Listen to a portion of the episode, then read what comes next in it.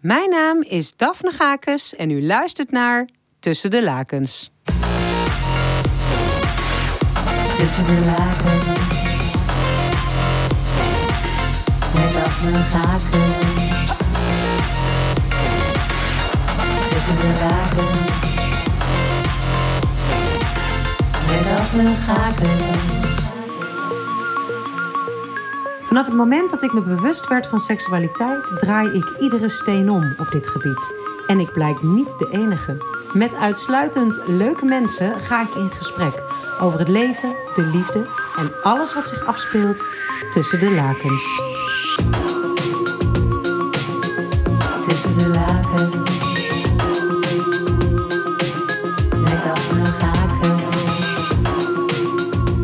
Mijn bedpartner van vandaag is Peter. Voor Peter gaat seks hand in hand met bewustzijn. Hij blijkt een ringstaartmakie tussen de lakens. We praten over schaamte op je seks, machtsmisbruik en het verschil tussen aanraken en frunniken. Vrijgezel of relatie? Ehm, ja, niet meteen al lastig. Ik ben eh vrijgezel in de zin van dat we afgesproken hebben dat we polyamorf... eh, een Polyamoreus. Ja, polyamoreus een relatie hebben. Dus dat eh eventueel ook met anderen mogen zoenen, eh, aanraken, vrij. Gebeurt dat ook?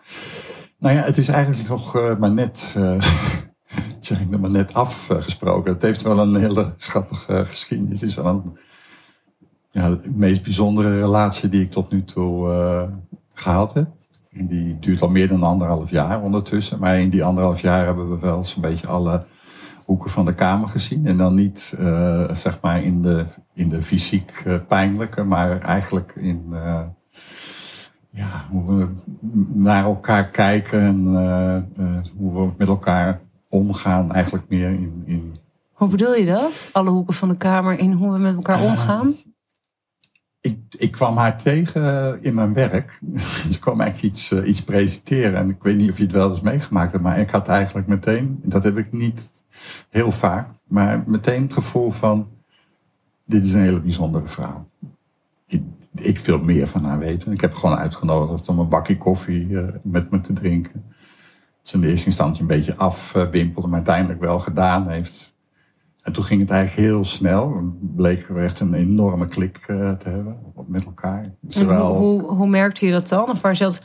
ja, dat de gesprekken eh, eh, heel vrij en open waren. Dat we me niet anders voor hoef te doen dan dat ik ben. Dan kan ik dat ook heel slecht. Dus dat is misschien ook wel heel prettig. Maar ook aan haar merkte ik dat, dat eerlijkheid eigenlijk het allerbelangrijkste was. Dus ja, je leert elkaar dan wel een soort van heel snel, heel diep eh, kennen. En eh, ja, fysiek. Had je dat eerder meegemaakt? Mm, Nee, dat zou ik je eerlijk Nou, zeggen. dat is bijzonder. Want Dat wat is, is, echt heel bijzonder. mag ik naar je leeftijd vragen? Ja, ik ben in eh, december 66 geworden. En heb je dus, nou ja, voor je 64 dus eigenlijk nog nooit e- eerder Nee, zo'n type liefde aan de haak eh, geslagen? Precies, precies. Ja, ja, ja grappig. Hè? Ja, Ja. hoe, hoe- heb je daar een verklaring voor? Nou ja, misschien, eh, ik denk dat daar het gesprek voor een heel groot gedeelte over gaat. Omdat ik toch een, eh, voor mezelf in ieder geval het gevoel dat ik een hele reis eh, gemaakt heb over wie ik nou seksueel ben. En Hmm. eh, hoe ik dan in elkaar zit. Want stel je voor, je had deze dame ontmoet toen jij 21 jaar was. ja, Hoe zou de relatie er dan uit hebben gezien? eh, ik denk dat dat, dat wel, ja, dat wel een hele lange, durige en, en zeer gelukkige relatie had kunnen worden. Op jonge leeftijd had je deze vrouw ook aangekund. Ja, dat denk ik wel. Hmm. Hoe is seks voor jou eh, begonnen? Ja, ik denk altijd, eh, zoals voor iedereen, toch ook wel een soort van eh, verwarrend. In de zin van dat het is iets wat van binnenuit eh, bij je gaat borrelen en, en er, er, gaat iets aan. En je wil iets. Ik woonde in die tijd dat het bij mij gebeurde, zo ergens eh, 12, 13 eh, jaar op een eilandje onder Rotterdam, Hoekse Waard.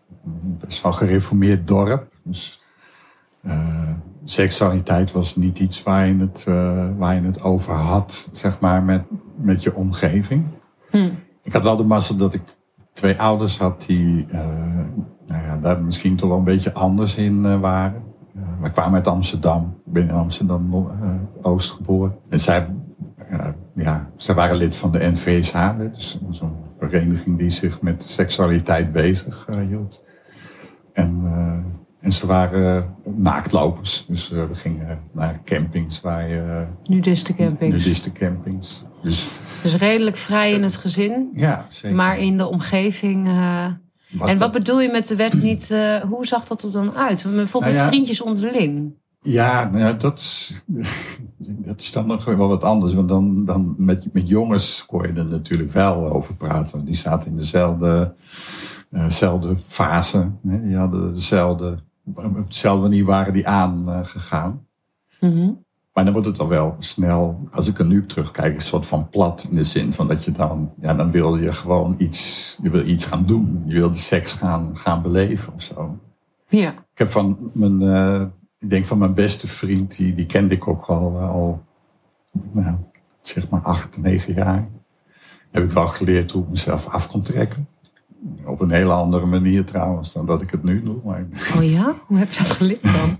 nou ja, tussen je handen te wrijven, je piemel in plaats van door eraan eh, aan te trekken. En, En dat werkt. Ja. Ja, nee, dat werkte vrij goed. Maar ik ben later wel overgegaan tot gewoon het, het aftrekken. Waarbij ik t- trouwens pas heel kort geleden geleerd heb dat als je klaar komt, dan moet je niet eh, naar beneden trekken, maar je moet juist beweging naar boven eh, maken. Dat is, dan is je orgasme eigenlijk nog veel fijner. Dus je bedoelt met je hand van de schacht naar boven, en daar vasthouden. Of wel weer naar beneden. Nou ja, of een paar keer, zeg maar, een soort melken, zoals je een... eh, Ja, ja, maar de beweging niet inderdaad. Dus je zet aan van onder naar boven in plaats van van boven naar onder. Exact, Ja. ja. Hm. Ja, ja. maar dat heb ik al die jaren daarvoor natuurlijk wel gedaan. Maar het is wel grappig dat je, als je 65 bent, nog iets eh, nieuws kan leren op dat, Dat vlak. gaat je, als het goed is, eh, je hele leven door. Heerlijk. Ja, Heerlijk. er is ook veel te leren. Ja, toch? Ja, Ja. ik denk, ik denk het wel. ja, Ja. ja. Hmm. Maar goed, dat dus. Ja. Thuis Ja, dus eh, vooral vrij- plannen smeden van hoe kom ik zo snel mogelijk in iemands eh, broekje. Ja, En toen had je uiteindelijk beet ja, bij Annemarie. Bij Annemarie. Annemarie was eigenlijk een vriendin van mijn zus. Ik denk dat dat ook eh, wel heel vaak zo, eh, zo gaat. Ja. En dat is best wel een hele grappige, goede relatie geweest. In de zin van dat we eh, alle twee wel op zoek waren naar wat is er allemaal mogelijk of zo. Dus het was wel een soort van eh, relatie die eh, ja, veel, veel experiment ook eh in Toen ook al wel. Ja, ja, Ja. ja. Ja. niet dat het altijd geslaagd was, maar Nee. Maar dus, dus Annemarie was wel open. ja, zeker. Ja, ja. Hm. Maar goed, ik bedoel, qua techniek eh, weet je niks. Dus de eerste keer dat we probeerden om haar naam te vrijen zonder enige kennis, eh, had ik mijn eh, piemel bloedend, omdat mijn riempje ge- gescheurd was. Auw. Oh jeetje. Hoe ging dat? Nou ja, zeg maar in dat, in dat verhaal van, zullen we dat ook eens proberen? Hè? Dus, was toen natuurlijk nog geen, eh, geen, geen porno. Ik bedoel, we hebben het over, eh, wat is het, jaren 60, eh, eind jaren 60, begin jaren 70. Maar hoe kwam je dan op het idee van anale seks? Dat is toch ergens in je hoofd? Ja, tuurlijk, tuurlijk, tuurlijk. Nou ja, mijn opa woonde in de Kinkerstraat. En, eh, op de Tekatenmarkt, daar had je een, een, zo'n kraam. En die man die verkocht eh, tweedehands eh, seksboekjes. Eh, candy, chick, dat soort dingen. Dus Oh, ja, ja. Dat, dat was dan je bron. En daar zag je voor het eerst anaal. zien nog niet eens. Het Nee. waren eigenlijk meer de verhalen. De Oh, wauw. plaatjes waren meestal... ja. Dus dat ook een keer proberen? Proberen. Ja, het ging vooral over proberen. Natuurlijk zonder glijmiddel. Ja, niet. Nee. Oh. Of, of enige goede voorbereiding. Het is bij die ene keer proberen gebleven voor mij. Ik heb er verder nooit geen, eh, geen behoefte aan eh, gehad. Moet Kan ik me iets voorstellen als je met een bloedende penis achterblijft. Ja, ja, plus dat het eh, wel een paar weken geduurd heeft voordat het weer een beetje... Dus samen naar de, naar de huisartsenpost? Of... Nee hoor, dat niet. Nee, Oké. nee, nee, ik heb er gewoon een verbandje omheen gedaan. Oh, shit. Ja. Ja, dan is het wel fijn dat het je vriendinnetje is, toch? Mm. En niet... Zeker, zeker. En we waren wel heel erg gek op elkaar. Dus Ja. eh, we zochten het ook eh, wel, eh, wel op haar, eh, Haar ouders waren vrij vaak, eh, zeg maar, op pad. eh, van alles en nog wat. Dus dan hadden we de rijk eh, voor onszelf. Ja. In die zin niet heel conservatief Nee. voor de omgeving waaruit je, waaruit je komt. Dus Nee. je bent eigenlijk wel, heb je een, best wel een vrije start in de liefde of in de seksualiteit gehad. Zeker, zeker. Hm. Hoe is, eh, wat is de rol van seks nu in je huidige ja. leven? Ik ben eh, niet meer die eh, wilde stier eh, die ik misschien toen was. Dat je maar de hele tijd alleen maar seks zou willen. En Want was dat zo? ik was wel heel erg opgewonden altijd. Ja. Ja. Ik kan me ook wel herinneren, en dat was ook nog later wel in mijn werk, dat ik soms echt naar het toilet ging om mezelf af te trekken. Gewoon Ja. de spanning eraf te halen. Ja. Gewoon klaar moest komen. Wat vond je daarvan? Nou ja, het- ik vond het voor een bepaalde manier ook wel, eh, wel lastig. Omdat je niet precies weet, zeg maar, of, eh, of dat nou normaal is. Of dat, eh, ja, dat dat iets was wat bij mij hoorde. Ik heb wel meer van die dingetjes. dat ik dacht van ja, is dat nou normaal? Hoe doen anderen dat dan? Maar, Dus dat bijvoorbeeld dat aftrekken op je werk, daar praat je niet over. nee, tuurlijk. Nee. niet in mijn relatie, niet omdat ik het, zeg maar aan de, aan de vrouw waar ik mee was niet wilde laten weten dat ik meer eh, opwinding had dan alleen maar als ik met haar was. En, en met vrienden niet, omdat ik dacht dat het, eh, nou ja, dat ik de enige was. Dus je vond jezelf iets te geil naar, eh, naar behoren. Ja, zoiets. Hmm. En hoe komt dat idee in je hoofd? Ik, ik, ik, ik denk dat ik. laat, laat ik iets anders zeggen. Ik, ik vind het gevoel heel erg fijn. Mhm. De, de, de hele seksualiteit eh, is gewoon enorm prettig. En, en het is een beetje zoals drugs. Weet je, je, je zoekt dan maar steeds eh, dat gevoel op omdat dat, je, omdat het je blij maakt. Of omdat je er gelukkig van wordt. Of omdat je er, ja, een prettig gevoel heeft. En ja, als het er, als het er is, zeg maar, dan, dan, dan liet ik het ook maar gewoon eh, gebeuren. Hoe bedoel je? Ja, ja, ook door de schaamte heen ik toch altijd gewoon, heb ik het wel gedaan. Dus ja, Je hebt dat, ja. prettig. Ja. ja. Maar toch nog eens terug naar dat je daar, zeg maar, die schaamte had op eh, ja, het masturberen. Ik denk dat dat wel eh, herkenbaar is voor veel mensen. Hm. Er is toch iets geks met dat, dat, dat, dat seks met jezelf stiekem moet. Ja. Ja. Maar het verbaast me een beetje, want eh, je zegt, oh ja, ik heb best een vrije opvoeding genoten. Je zat ook in een vrije relatie. Van waar, hoe, hoe komt dat nou dat die seks met jezelf, om maar even zo te zeggen, of dat, dat vluggertje, Ja, die ja, ja. ontlading, Precies. dat je daarvan voelde van, eh oeh, dat, Hm. dat is gênant. Ja. Dit mag niemand weten. Nee. Nou, ik heb het voor mezelf in ieder geval zo verklaard dat ik denk dat seksualiteit en schaamte ook wel twee eh, dingen zijn die op dezelfde, eh, op dezelfde lijn zitten. Ik bedoel, als ik gewoon eh, om me heen kijk, is schaamte misschien wel net zo sterk als seksualiteit. Hmm. Hoe zie je dat? Misschien toch heel even over wat er op dit moment dan eh, speelt met Mhm. jonge meisjes die seksueel aangeraakt zijn of uitgenodigd eh, zijn. Waarom hebben ze zo lang hun mond gehouden? Ik bedoel, een deel zal misschien zijn dat, dat machtsverhaal waar het steeds eh, over gaat. Maar ik durf mijn hand voor in het vuur te steken dat dat ook met een soort van schaamte te maken hebben dat ze dat hebben toegestaan. En, en daar zit die rare dubbelheid in. Want aan de ene kant kan seks ook heel fijn zijn. Of laat ik het anders zeggen, seks is gewoon heel fijn. En dan tegelijkertijd kan er dus ook iets eroverheen liggen. Wat ja, bijna die, dat, dat mooie en dat fijne en dat prettige soort van bederven. Hmm. Dat je er niet over kan praten. Of, Ja, het is zo lastig, hè? want ik heb zelf vaak eh, op de barricade gestaan van jongens, ik zou willen pleiten voor een meer schaamtelozer bestaan. absoluut. Eh, maar ik kom daar ook wel soms weer op terug. Dat, ik van, dat ik onhoudelijk mezelf toch weer bevraag van zou die schaamte in seksualiteit niet ook een functie kunnen hebben? Dat is een hele goede vraag. Ja. Wat zou dan de functie kunnen zijn van schaamte op je seks? Ik heb het zelf eigenlijk altijd verklaard vanuit het feit dat we, hoe we daar met z'n allen nu wel of niet over denken en of we dat nou wel of niet vinden, dat we toch eh, leven in een heel Calvinistisch land. Weet je? We Mhm. hebben hier natuurlijk toch heel lang eh, vanuit onze cultuur eh, is er wel enorm veel schaamte eh, op die seksualiteit gezet. Het is in Ja. Engeland nog veel erger. Hè? Maar ik, bedoel, ze hebben er zelfs een naam voor.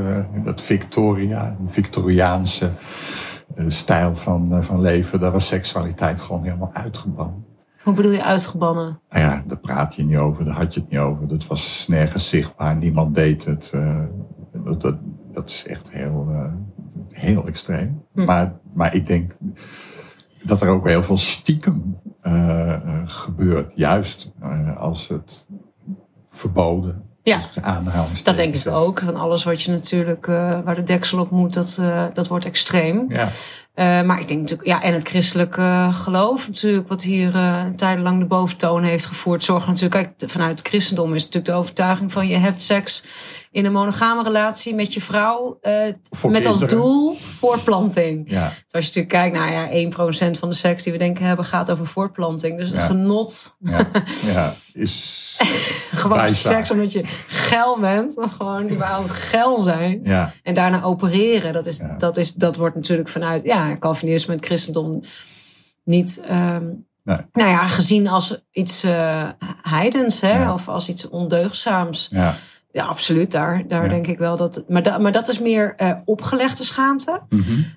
Maar vanuit, ik merk bij bijna ieder mens heeft gewoon ook, als ik kijk naar mezelf ook, ik heb ook sch- schaamte op bepaalde aspecten van seksualiteit. Mhm. Als ik bijvoorbeeld mezelf terughoor in een interview en ik heb eh, vrij uitgesproken over hoe ik seks beleef, hè?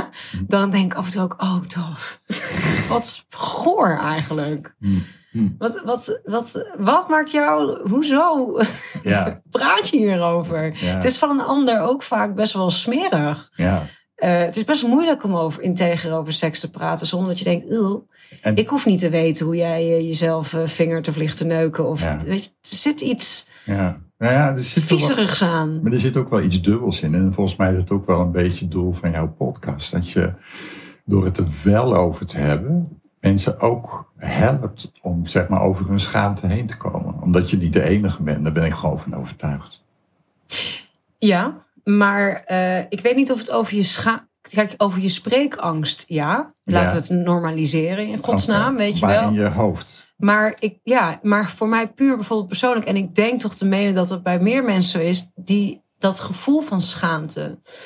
Nou, stel nou voor ik zou hier in dit tuinhuizen een date ontvangen eh, in mijn bed. Doe ik wel eventjes de Gordijnen de, gordijnen dicht. Omdat Ja. ik denk, ja, ik hoef niet hier de, de andere mensen hier in dit volkstuinencomplex te confronteren met het feit dat ik behoefte heb aan seksualiteit. Daar schaam ik mij dus voor. En toch is dat gek. Want iedereen die hier op het complex zit, heeft behoefte aan seks. Dus Ja. iedereen, iedereen doet het, maar iedereen doet de gordijnen dicht. Nou ja, dat is heel interessant. En het is ook niet altijd zo geweest. Nee, ja, Ja. precies. Maar dat is, ook, dat is eigenlijk denk ik wel een beetje de grap.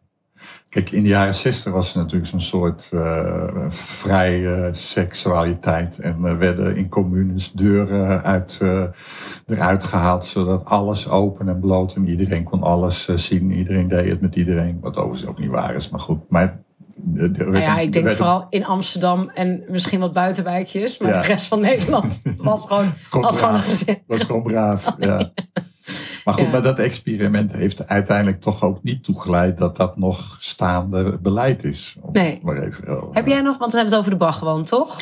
Bijvoorbeeld, Ja. ja. Heb jij daar nog invloeden van meegepikt? eh, of heb jij daar nog stukken van meegemaakt? Eh, nee, nee. Maar wat ik wel heb, want ik vind Osho wel een heel interessant fenomeen. Ja, en Osho is dus de bedenker hè, van, de, of nou, hij is de Bhagwan. Ja, In die zin, maar dat, die is wat bekender in, vanuit Klopt. zijn boeken. Hè? Dus de boeken die gepubliceerd zijn van Ja. Osho. Ja. Wat dus een stroming is. Ja, hoe zou je dat definiëren? Het zit ook wel in de tantra-hoek. ook.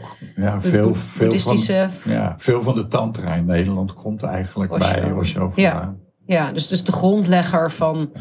veel subgroepen die nu actief zijn. Ja. Nou, maar wat we, wat we volgens mij niet moeten vergeten, en wat denk ik wel belangrijk is om te weten, is dat eh, het komt niet zomaar ergens vandaan. En wat ik heel erg interessant aan Osho vind, is dat hij heel veel van die oude boeken is gaan, eh, gaan lezen en gaan, gaan duiden, zeg maar, voor ons in deze tijd. Wat is Osho's visie op seksualiteit? Ik denk dat dit een hele natuurlijke, schaamtevrije vorm van seksualiteit is. Dus hij, Osho, zou erop zeggen: nee, niet je gordijntjes dicht doen als jij. Nee, want waarom? Waar schaam je je voor? Ik bedoel, de overbuurman doet het. Dus hij pleit voor een schaamteloos seksleven. Absoluut. En wat zou daar de meerwaarde van zijn? De grap is natuurlijk dat je daarmee ook eh, heel veel eh, dingen die vanuit die schaamte misbruikt worden om, om macht eh, eh, in te zetten, om over iemand hè, eh, macht te hebben. Hè, want dan misbruik je in feite zijn schaamte. Dat is dan weg. Want je, Ja. hebt, je hebt geen argumenten meer om iemand te chanteren tussen twee aanhalingstekens. Ja, Want als we elkaar, dat is trouwens een uitspraak van Osho, als we elkaar naakt zouden kunnen ontmoeten, dat hebben wij gedaan hè, in dat bad. Oh, komen we er, is, er is bij ons dus geen schaamte. Maar wat maak je zin af als wij elkaar naakt zouden als ontmoeten? elkaar naakt zouden ontmoeten, dan dat zou zo ontzettend veel schelen in, in hoe we met elkaar omgaan. Ja. Om- omdat we, als je elkaar naakt kan zien, Mhm. in, in alles. Hè, dus Ja. Niet alleen in het fysiek, maar ook gewoon, Ja. eh, gewoon eerlijk met elkaar kunnen Ja. spreken. En dan ga ik weer terug naar mijn relatie nu. Want dat is precies dat wat de, de, de sleutel is. Mhm. Deze vrouw waar ik nu verliefd op ben, is zo eerlijk. Maar betekent dat dus ook dat ze al haar twijfels uitspreekt? Alles. Alles. En dat was in het begin best wel wennen. Maar ik merkte dat het uiteindelijk me het ontzettend veel geeft. Omdat ik diezelfde twijfels ook ken. Ja, En diezelfde schaamte ook heb. ja. Diezelfde gedachten ook kan hebben. Maar als je alles uitspreekt, dan betekent dat dus ook dat je dingen gaat zeggen die de ander kwetsen. Mhm. Absoluut. Ja. En, En dat lijkt me heel vervelend als je elkaar net leert kennen. Je kan je dan ook heel erg aangevallen voelen. Dat ken ik inderdaad heel erg goed. En dat heb ik ook in heel veel relaties wel gehad. Ik weet, meestal ben ik na een maand, twee maanden, dan, dan beginnen er wel van die dingetjes op te vallen. Dat je denkt van, oh, dat vind ik toch niet zo leuk. Ja. Ken je vast ook wel. Heb ik met haar nog geen moment gehad. En, van, en vanuit haar, naar jou? Nou, dat is een iets wat ander verhaal. Want dat is waarom we op dat polyamoreuze eh, situatie kwamen. Eh, er was een vrouw die tegen mij gezegd had dat ze verliefd was op mij. En ik heb tegen haar gezegd, dat ga ik onderzoeken. Eh, ook omdat onze relatie ja, best wel een beetje in een soort van raar vaarwater was gekomen. Ik voelde nog steeds 100% dat ik heel veel van haar hou. En de rest van mijn leven met haar door wil brengen. Maar zij had gewoon een soort van. eh we schelen 17 jaar, dat scheelt misschien. Ze heeft nog jonge kinderen. eh en, en heel, hoe heet het, heel ander soort leven dan dat ik heb. Ik heb gewoon een heel vrij leven. Weet je, mijn kinderen zijn de deur uit. Ik ben opa. eh is- je, het niet zien. Ik denk in een andere levensfase. Dus vandaar begrijp ik het wel. Maar toen ik dat tegen haar zei, toen werd ze eerst boos. En daarna ging ze huilen. En toen ging ze naar binnen. En toen dacht ze van, hey shit, deze gast wil ik helemaal niet kwijt. Ja. Ik, ik ben eigenlijk net zo gek op hem als dat hij op mij is. We zijn eigenlijk zo gewaagd aan elkaar op een goede manier. What the fuck? En dat heeft ze tegen me uitgesproken. En toen zei ze van, dat kwam dat polyamoreus vandaan.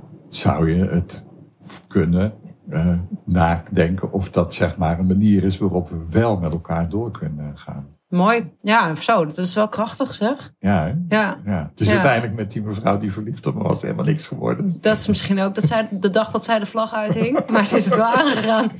Ja. Hey, ik ben jullie samen tegengekomen. ja, maar dat was niet degene die... eh, nee, dat, dat was degene die verliefd op me was. Ah, oh wow. en dat is echt helemaal niks geworden. Ze, ze vond het verschrikkelijk Dus dat ik bij jou in bad stapte. Daar werd ze heel erg jaloers van. Oké, maar vertel eens... Oh. Maar vertel eens eventjes voor de luisteraar. Die denkt nu, hè, hoezo, bad? Wa- Wat gebeurt hier bad? Hoe hebben wij elkaar ontmoet? Eh, ja, op uh, Mediamatic, Museum Nacht. in Museum Nacht. Ja, en eh, jij had daar een, eh, een, een, een act, of een, een- wat was het? Ja? ja, Ik zat met mensen daar in bad, om te praten over seks. Ja, over beffen volgens mij zelfs. Heel Ja. specifiek. ja. Wat ik dus zelf een verschrikkelijk woord vind. Ja, hè? Ja. Maar Nou, goed, en ik- afijn. Eh, ik ben jou echt achterna gaan jagen. Ik was dus daar, eh, ik liep inderdaad eh, daar rond. Mhm. En ik ging dus mensen scouten eigenlijk. Mhm. Dus heel gericht Mhm. met wie wil ik in bad. Omdat ik Mhm. dus heel erg het idee had van ja, ik moet naakt. En het was een heel klein piep eh, pashokje. En ik dacht ja, ik wil wel met iemand graag naakt. Maar dan wel met iemand die ik uitzoek. Waar ik me comfortabel bij voel. Mhm. Dus ik liep daar gewoon eh, rond. En ik, wij, hadden, wij waren in gesprek gekomen Klopt. in de ruimte zelf. Hoe ging dat? Ik weet niet meer. Ik sprak jou geloof ik aan of zo. Je had daarvoor een gesprek gehad met een jongen. En dat had ik gehoord. En toen vond ik dat hij, hij bleef een beetje op de vlakte. Hij ging niet, eh, Ja. niet diep. Dus ik zei van nou, hij durfde niet echt of zo. En toen kwam jij later terug zo van nou kom op dan. Laat me, laat me horen. Ja, dus je stond met je toenmalige date in een ruimte. En ik haalde jou eigenlijk weg daar. Ja. Wat natuurlijk misschien ook... Of ging je het nog even overleggen met haar? Ik heb gewoon nou, meegedeeld. Dus je deelde mede van ik ga met deze vrouw in bad. Ja. En toen? Nou ja, dan kreeg ik al een vraagteken en, en zo'n gezicht. Ik denk van, nou, dit vindt ze helemaal niks. En dat, nou, dat heeft ze later ook wel gezegd. En, eh, ja. Was ze bij het gesprek? Ze is eh, aan het eind van het gesprek gekomen. Het was wel grappig, want jij vroeg eh, hoe ik mijn seksualiteit ervaarde. En ik gaf het geloof ik negen of zo. En toen had zij zoiets van, negen, waar, waar heb je het over? Weet je, we hebben helemaal geen, eh, geen seksuele relatie. eh. ik zei, dat ging ook niet over jou. Oei. Ja, En toen? ja, ja dus verder is niet op ingegaan. Dus jullie, eh, jij kwam terug uit dat bad en je hebt je aangekleed. En onze wegen scheiden ook weer. Want er stond Ja. volgens mij al iemand anders eh, gelijk. Klopt. Dus ik ging gelijk weer door in bad. Ja. Hoe, is dat, hoe is de rest van de avond verlopen tussen jullie? Ja, er was nog, nog iemand bij. Iemand die eh, trouwens eh, al heel lang eh, ook een rol speelt bij Mediamatics en hoe wij daar terechtgekomen zijn. Ehm, dus ik, zij, zij hield toen een beetje afstand en ik ben toen met die, met die andere vrouw wat gaan rondlopen en wat dingen gaan bekijken. Ik heb haar later weer, weer opgepikt en toen was ze nou ja, een soort van afgekoeld. En, Hmm.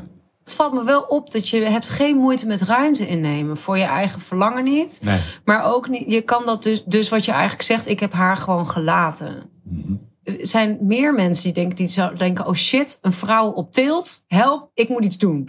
Liefje, gaat het wel? Moet ik wat drinken voor je halen? Wil je ergens over praten?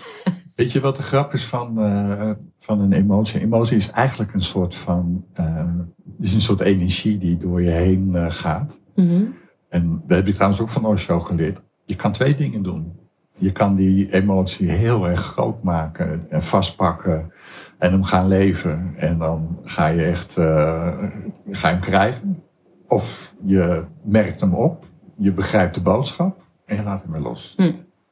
Dus dat heb ik wel geleerd. Dus ik ga wel op een andere manier om met mijn emoties. Ik ga niet meer die emoties heel diep in. Dus ik kan me voorstellen, je ziet aan haar gezicht: ik heb iets gedaan wat jij niet leuk vindt. Ja, Hè? Daar voel jij ook iets bij, denk ik. zeker, zeker. En je besluit op dat moment, ik, Ik geef haar de ruimte om die emotie los te laten. maar je neemt zelf ook de ruimte om te voelen. Absoluut.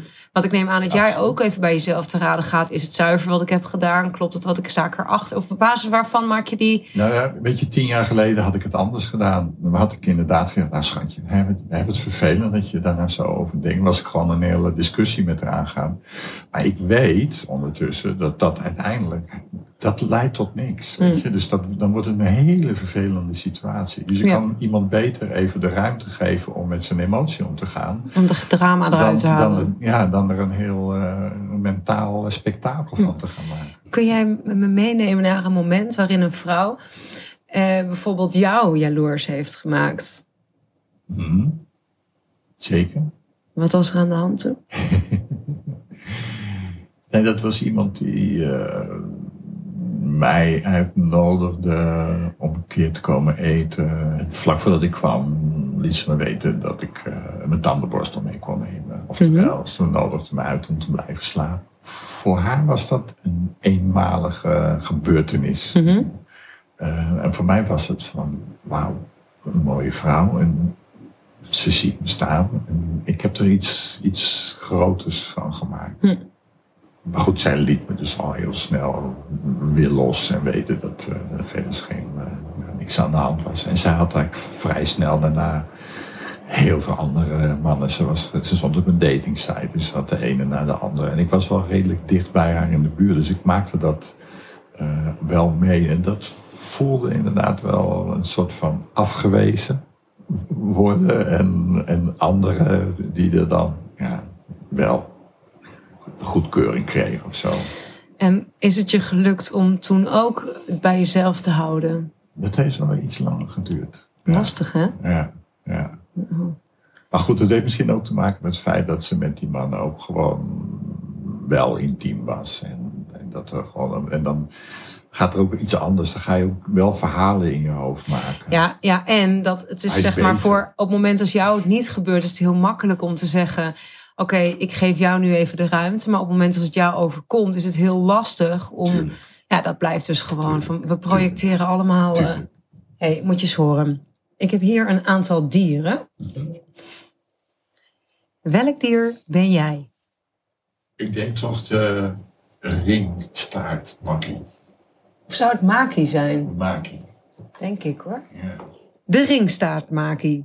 De ringstaartmaki is de Italiaan onder de dieren. Oké, zover klopt het. Ja.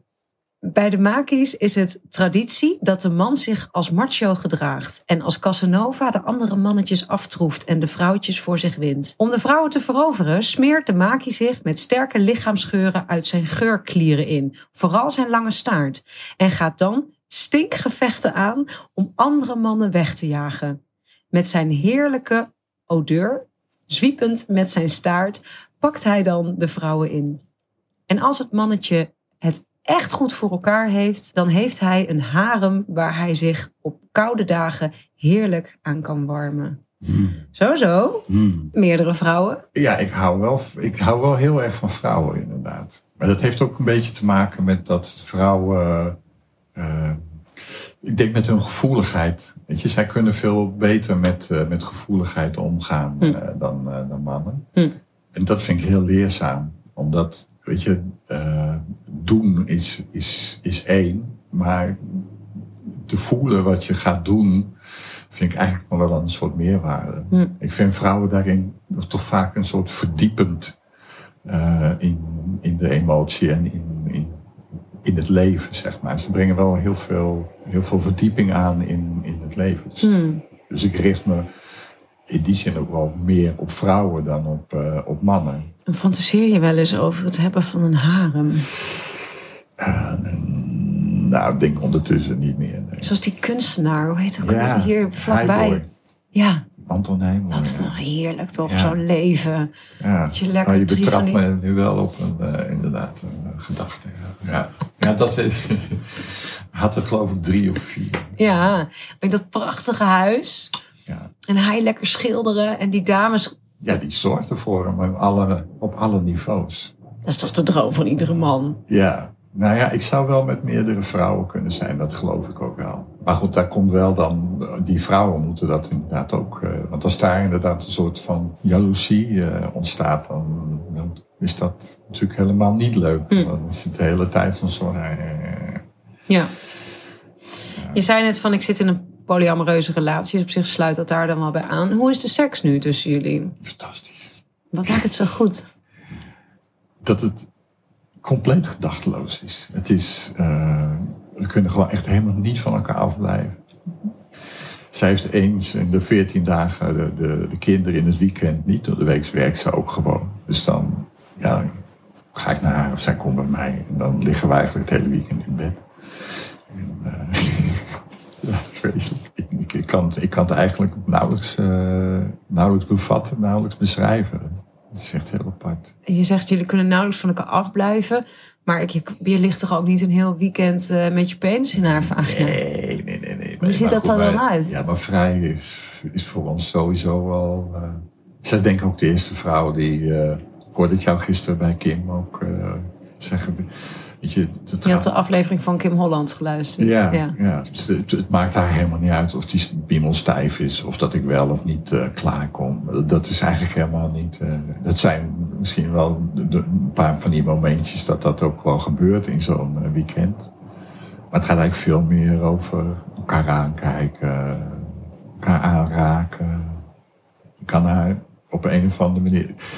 Het is ook heel raar. Ik weet niet zo goed hoe ik dat uit moet leggen. Maar als ik haar vagina aanraak, dan is het net alsof ik precies weet waar alles zit of zo. Ik had, net had ik al heel snel. eh, dat, bij de meeste vrouwen is dat altijd een enorm eh, eh, zoekopdracht. Maar dat ligt ook een beetje aan. Weet je, als je elkaar aankijkt of je elkaar signalen kan geven. Weet je, dat je elkaar kan laten zien wat je, wat je prettig vindt. Niet alle vrouwen doen dat. Of, ik, of ik heb het niet, niet goed gedaan, dat weet ik niet. Maar dat is bij haar eigenlijk nooit een ding eh, geweest. Het leek wel alsof het mijn eigen vagina was. Dat klinkt heel raar, maar dat, Wat doet zij dan, waardoor je haar kan lezen? ja, ze laat eh, in haar blik en, en eigenlijk vooral in haar blik eh, laat ze zien wat het, wat het met haar doet. Dus als jij haar vingert of aanraakt, Het is eigenlijk vooral aanraken. In het begin zelfs nog niet eens met mijn vinger bij haar binnen geweest. Alleen maar over die, die buitenkant, die schaamlippen. dan kijk je haar aan. Ja. ja. En dan geeft zij in feite met haar blik aan eh, waar, het, waar het hemels is en waar het gewoon is. En ze, ze is ook daarin heel eerlijk. Dus eh, dan zegt ze iets minder druk. Of, eh, of iets harder. Of nu heen en weer. Dus verbaal ook. Dus verbaasd, ze laat wel weten wat, wat, wat goed is voor haar op dat moment. Dat is wel heel fijn. Ja. Want dan wordt seksualiteit ook echt iets wat je samen hebt of zo, weet je. Dan hoef je er niet over na te denken. Dat is ook precies wat we wat tegen elkaar zeggen. Dat het zo grappig is dat je ja, een soort van tijdloze ruimte komt waarin helemaal niks anders meer is dan, dan het, dat genot wat zeg maar maar doorgaat en maar doorgaat. En heb je plekjes in haar lichaam gevonden die je nog nooit eerder hebt ontdekt van, oh, dit is dus, dit kan dus ook heel lekker zijn voor een vrouw. Er is zeg maar op haar eh, rechter schaamlip bovenin zit een, een soort van een soort verdikkingje of zo. Eh, dat is echt heel grappig, maar die is, die is echt zo super gevoelig. Die zit gewoon zo tussen mijn vingers in, alleen maar heel zachtjes eh, beweegt. En ze is vrij snel ook, dat ze gewoon vochtig is, dus het is altijd gewoon ook prettig om, eh, om dat te zijn. Zo, dat is heel specifiek. Ja, Ja. Ik, dat kende ik niet. Ik, ik- Nee. ja. Interessant. Dus je verkent eigenlijk met je vingers gewoon haar hele lichaam. Ja, ja, ja, precies. Want het is natuurlijk niet alleen haar vagina. Maar goed, dan kom je uiteindelijk wel met daar de, de meeste zenuwen blijkbaar samenkomen. En Ja. het meeste genot geeft. Ja. Ze vindt het ook heel erg fijn gewoon om haar borst vast eh, te houden. Ze heeft hele kleine borstjes. Ze zijn echt eh minietjes. Ze zijn echt zo lief. ja. Maar dus daar zit ook heel veel opwinding eh, in. En op welke plekken vind jij het fijn om aangeraakt te worden? Rug, dijen. Ja. En hoe wil je dat je rug aangeraakt wordt? ja, toch wel aaien. Over je rug gekriebeld. Ja, precies. En je dijen? Ja, dat mag wel iets steviger. En ik vind gezicht ook altijd wel heel spannend. eh. en dat, is, ja, dat moet je ook wel... Oh ja, ik kan me daar ook niet... Ja, als je gezicht aangeraakt wordt, toch? Ja. Ik vind het soms ook een beetje gefrunnikt dan of zo. Of ik Ja. vind het lastig om... eh, Ja. Dat is ook Kan heel lastig, hè, tussen aanraken en gefrunnik. ja, waar zit het verschil? Eh, nou ja, ik denk uiteindelijk dat eh, zeg maar een doelloze aanraking eh, geen gefrunnik eh, kan worden. Maar als je het, als je het gaat doen, eh, dat het dan snel toch te, te bedacht eh, is. Dan sla je volgens mij vaak de, de plank mis. Of Ja. Ja, ik noem dat een beetje het verschil tussen, zeg maar... Ik denk dat je kan niet verkeerd aanraken als je het met aandacht doet. Precies. Maar dat harken noem ik het. Dus bijvoorbeeld zo heel gedachtloos over één plekje van je huid gewoon zo aan. Om maar, weet je wel, een soort, dat, Ja, dat, ja. dat vind ik heel vervelend te voelen. Ja, dat, ja. Dat ik gewoon voel, je bent er met je aanwezigheid helemaal niet bij. Dus dan ontvang ik het ook niet. Ja. Maar bijvoorbeeld als je bijvoorbeeld samen met een film aan het kijken bent... en iemand zit gewoon gedachtloos over je Ja. rug te aaien, dat is prima. Maar in Ja. de seksualiteit is dat natuurlijk... Het bewustzijn, dat is eigenlijk waar het over gaat. Dus dat je alles in bewustzijn doet. Die Hanh, die vorige week overleden is met zijn mindfulness... heeft daarmee eigenlijk de me- mensheid een enorm groot eh, cadeau eh, gegeven. Het verschil tussen aanraken en frunniken zit hem in de mate van bewustzijn. Dus de seksualiteit tussen jullie is fijn. Ik hoor ook wel heel veel onthaasting. Mm, zeker. Dus Ja. er is heel veel ruimte voor aan- kleine aanrakingen, het onderzoeken bij elkaar, Ja, het dat- goed lezen van elkaar. we hebben altijd een heel druk, eh, druk leven. Dus we geven die, die momenten dat we samen zijn, geven we ook wel alle ruimte. Ook, Ja. ook inderdaad om, eh, om te onthaasten. Wat maakt dus de seks zo fijn tussen jullie? Ik denk dat het uiteindelijk zo fijn is omdat we ons alle twee heel erg bewust zijn van onze seksualiteit. Jullie En verstaan onze aanraking. En Ja. we verstaan elkaar. Ja. letterlijk. Zelfde taal van de liefde. Ja. Ja. Hm. Er staat hier een pot met vragen. En ja, Zou jij er eentje uit willen pakken? eens even kijken. Wat is het meest gevoelige deeltje van je lichaam? Oh, grappig. Dat sluit helemaal aan waar we het net over hebben gehad. Dus we weten al over je rug en je dijen. Ja, grappig genoeg bijvoorbeeld mijn, eh, eh, mijn tepels helemaal niet. Dat vind ik echt soms wel eens een beetje... eh, ik denk van, het zou er iets mis zijn. Ik denk dat het toch mijn piemel is. ja, erg? Sorry. sorry. En hoe word je graag aangeraakt daar? Nou ja, toch wel met bewustzijn. In de zin van dat... ik bedoel, het is, het is wel een, een, een onderdeel van je lichaam of zo. Sommige vrouwen die gaan ermee om alsof ze een stok in hun handen hebben. Die gaan te, te, te- die- Ja, te, te hard. Te, te, met, ik veel mannen zeggen. Met te weinig gevoel of zo. Ja, ja. Maar goed, het is... Deze vrouw heet toevallig ook Annemarie. Eh, Die kan dat juist wel. Dat is de eerste vrouw ook die, eh, als ze hem in de mond neemt, eh, ontzettend lief is voor hem of zo. Ja. Ze raakt je zacht aan. Ja, ja. Hoe zou dat, hoe, hoe zou dat komen? Hè? Dat vrouwen zo hard, hard, pijpen, hard, hard aftrekken. Kijk, misschien denken ze dat, dat, dat het zo moet of zo. En dat mannen dat dan niet eh, durven, durven te zeggen. En trouwens ook heel veel vrouwen tegenkomen die pijpen helemaal niks eh, vinden. Ik ben eigenlijk zelf ook helemaal niet zo daarmee bezig geweest. Het was er meestal niet, of het was, het was er even, maar het stelde niks voor of zo. Ik kan me nog herinneren toen ik zeg maar een puber was en eh, veel aftrok. Als je dan klaar kwam, dat het echt bijna was alsof je dood ging. Hè, Zo. Ah, Ja. echt, zo dat je, ik, ik moet er niet meer aan zitten nu. Te Kleine- overgevoelig of zo. Ja. Een kleine dood. Ja. Dood. Ja. ja. En hoe is dat nu? Nee, ja, je krijgt ook wel een soort van eelt op, helaas. Ja. Hmm, wat jammer.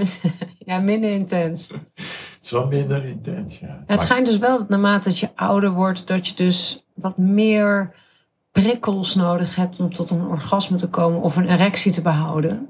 Dat is zeker waar. Naarmate dat je is ouder wordt. waar. Dat Ja. is zeker waar. Maar ik zou wel zeggen dat de, de- hoe een vrouw naar je kijkt en, en, en hoe ze je zeg maar verder aanraakt, daar toch ook wel een eh, hele belangrijk onderdeel bij. Als het echt Voor het orgasme? Nou, voor het orgasme misschien niet. Maar, Nee. maar om, om stijf te maken wel. Mhm, ja. Dat is wel meer dan alleen maar iets met je handen doen. En, en ook andersom, ik vind het ook heel fijn om, eh, om te kijken of zo. Om gewoon voor een vrouw te, te zitten en gewoon naar haar wilderige lichaam. eh, Waar kijk je dan naar? eigenlijk naar alles. Zeg maar de, de, de vorm, eh, zachtheid. Ik hou heel erg van buiken. Echt Een mooie, mooie zachte buik kan me heel erg goed vinden. Ik ben niet zo'n zo'n borstenman, ik ben eigenlijk meer een billenman. Ik val meestal op vrouwen op hun billen. Ja, ik vind een vagina ook wel wonderbaarlijk. Ik heb er nog nooit een hetzelfde gezien. Volgens mij zijn alle vagina's anders. Ik weet niet Net of dat zo met divers als neuzen, hè? Net zoiets, hè? Ja. Ik weet niet of dat met piemels ook zo is. Maar, Maar als je naar een vagina kijkt, kun je daar dan alleen van het kijken naar een vagina een erectie krijgen? Nee, dat niet. Maar het helpt wel de opwinding. Ja. Ja. Ja, ja en helemaal als je er... Weet je, dat is dan ook weer dat samenspel. Als je er dan aan zit en, en je ziet dat dat een reactie eh, geeft of zo. Dat geeft dan ook weer een reactie bij mij. Ja. En er is nog wel iets heel belangrijks. Ik hou ook wel van zoenen tijdens het vrijen. Ik zou... Ik heb wel eens gedacht van... Ik, ik, ben het, ik heb het nog nooit gedaan, maar ik zou bij een, bij een prostituee of zo... zou het veel minder... Of zou het voor mij veel moeilijker zijn. Hm. Omdat dat dan... Ja, niet kan, niet mag, eh, niet gebeurt of eh, is extra, eh, moet je voor betalen. De seksualiteit zit hem dus in het zintuigelijke, dus ook het, zoenen en het visuele. Het kijken naar een vrouwenlichaam, maar ook hoe een vrouw dus reageert op jouw aanraking. Ja, ik denk onbewust ook geheur wel, uiteindelijk. Dat is wel grappig, wat jij zei is heel grappig in dat bad. Ik zat een beetje romantisch weg te zwijmen over dat, over dat, over dat likken, weet je nog. En Mhm. eh, toen zei hij zo heel bot eroverheen van, ja, maar dan kon je dan nooit een eh, eentje tegen die, die stinkt. Hè? Ze kunnen ook heel erg ruiken en helemaal niet lekker zijn. Ja, en dan? Wat doe je dan? Ik moet eerlijk zeggen, maar dat zei ik toen ook. en Dat ga ik je weer zeggen. Ik heb het nog nooit meegemaakt. Hmm. Dus ik denk dat ik alleen maar met vrouwen gevreden heb die, die zeer hygiënisch zijn. En, Ja. Ja. ja, of je bent niet zo gevoelig voor geurtjes. ja, ja, wel. Ja. Ik denk Hmm. zelfs dat het ook wel toch ook wel een, een, deel van de opwinding is. Hmm. Ja. Maar ik hou misschien ook. Ik, ehm, ik hou bijvoorbeeld ook van, van bittere eh, drankjes. Eh, ik, ik hou wel van, ook van, van, extreme, zeg maar, in geur en in smaak. Of Ja. zo. Het, hoeft niet, eh, Ja. het hoeft niet altijd naar, naar rozen te ruiken om, om opwindend te zijn. Ja. Of om, om spannend te zijn. Of om je wakker te maken. Was dat vroeger ook al? Of is dat iets van... Ja, ja, Ja, ja. ik, voor een deel ben ik, ben ik nog steeds wel wie ik altijd was of zo.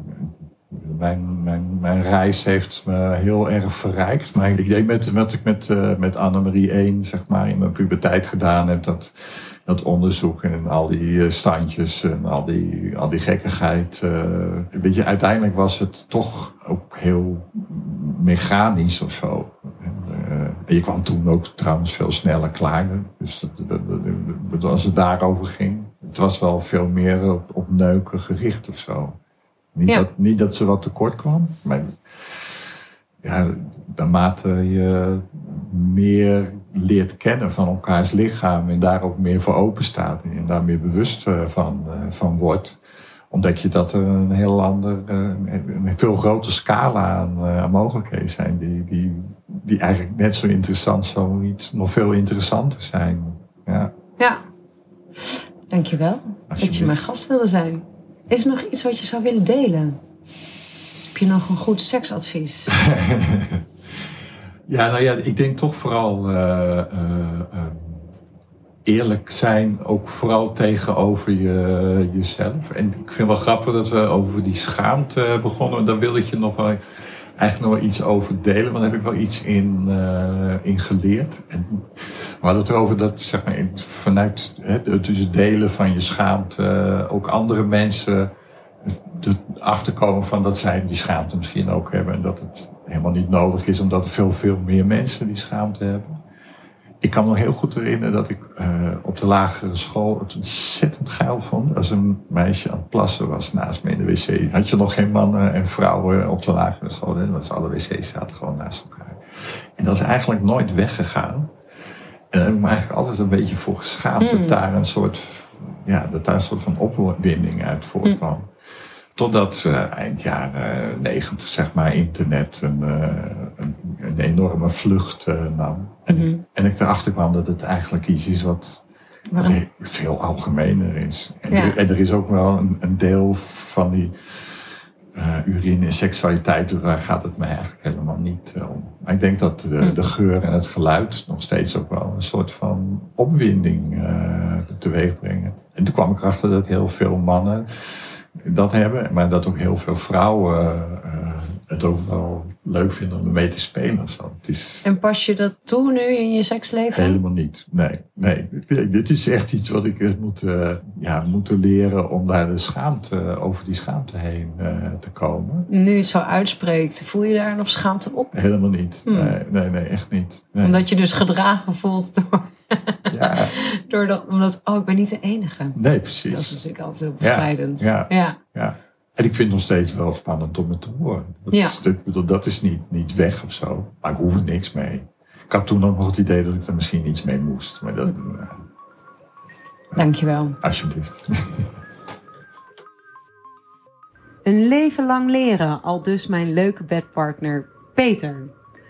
Dit weekend eh, speel ik Ik Daphne Gakus in Amsterdam. En de aankomende tijd kom ik nog langs Dordrecht, Amstelveen, Zaandam, Den Haag, Huizen, Horen, Hilvarenbeek, Wijk bij Duurstede, Hellevoetsluis, Heilo en Drachten. Mocht je in deze omgeving wonen, Google speellijst Ik Daphne Gakus, koop je ticket en eh, kom even na afloop een babbeltje met me maken. Hartstikke leuk. Voor nu, bedankt voor het luisteren. Tot de volgende.